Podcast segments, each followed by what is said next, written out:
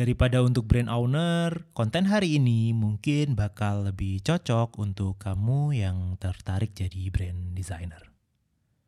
Kamu pasti pernah ada di kondisi percakapan yang satu ini. Halo Gan, boleh diinfo nggak? Budget untuk rebranding berapa ya estimasinya? Kalau ada calon klien ngajuin pertanyaan kayak gini, setiap kali dijawab, bisa jadi kemungkinan besar bakal langsung di ghosting. Emangnya berapa sih budget branding atau rebranding yang harusnya kita patok? Daripada penasaran, dengerin episode ini sampai habis.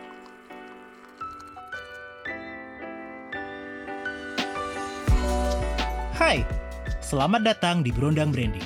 Tempat kamu bisa dengerin topik seputar bisnis, marketing, kreatif, dan segala hal di antara ketiganya. Bareng saya Lintang Noviantara, setiap hari Senin di sini kamu bisa dengerin insight yang mungkin bermanfaat untuk pertumbuhan brand yang sedang kamu bangun. Bro, dan branding.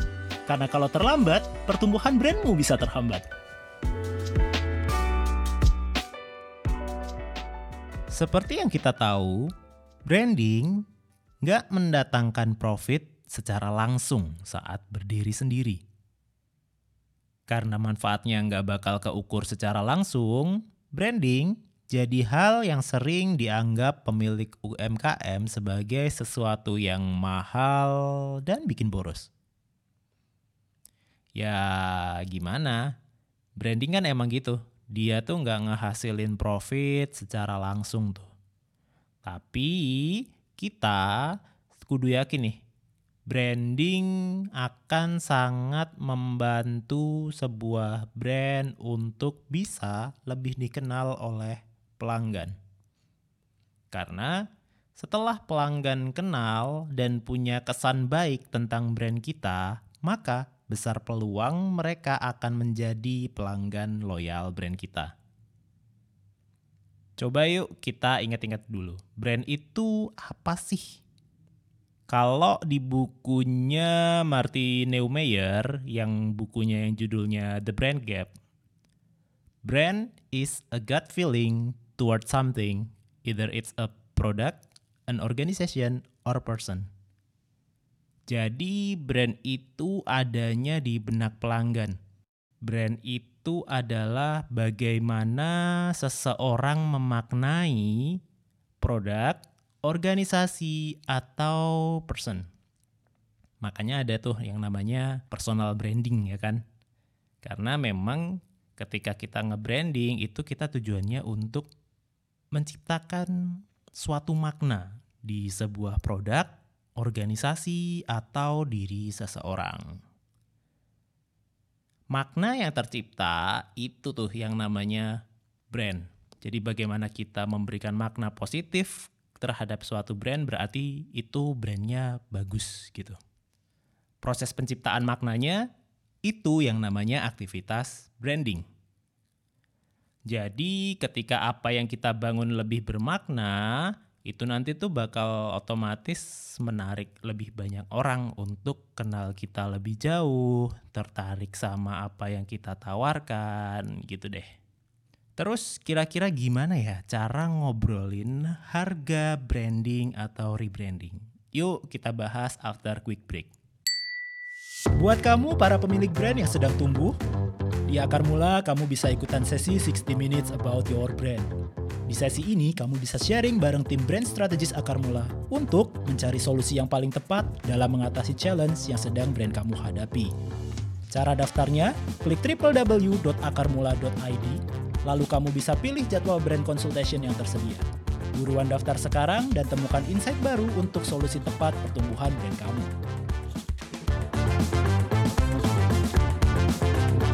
Oke, kita lanjut. Untuk ngobrolin tentang harga branding atau rebranding, itu ada beberapa hal yang perlu dipastiin nih. Ini berlaku buat teman-teman yang di industri kreatif sebagai brand designer atau ya kalau teman-teman pemilik brand juga tetap harus kenal sih sama beberapa hal ini. Yang pertama tuh pastikan creative person sama brand ownernya sama-sama tahu tujuannya tuh apa gitu.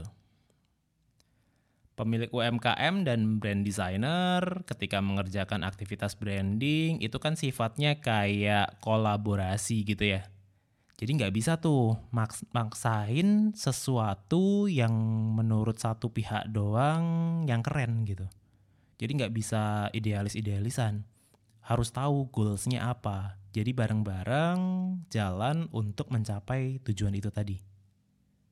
Jadi ketika mau ngelakuin aktivitas branding, sebelum ngomongin harga, pastiin tahu tujuannya apa dulu.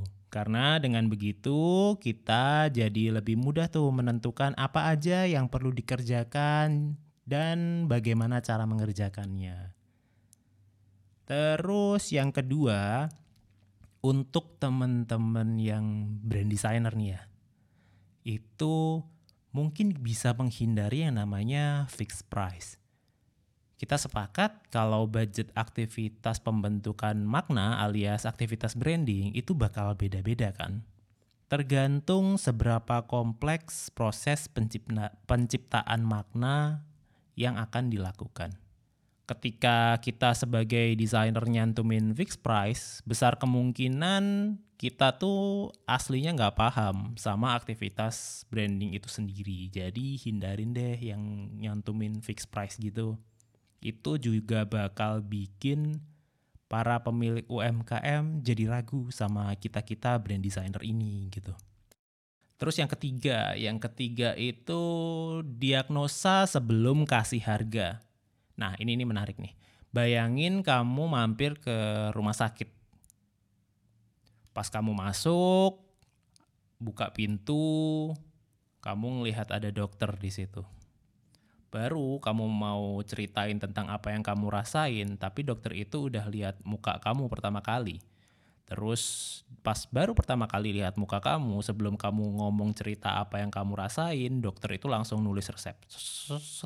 Oh kamu butuh obat ini, ini, ini, ini, dan ini mesti kamu bakal ngeri kan, mesti kamu bakal nggak percaya kan sama apa yang diresepin sama dokter ini tadi. Nah, kayak gitu tuh sama.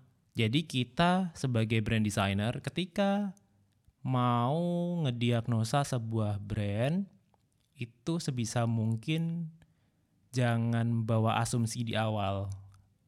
Harus tahu kondisinya tuh sebetulnya kayak gimana,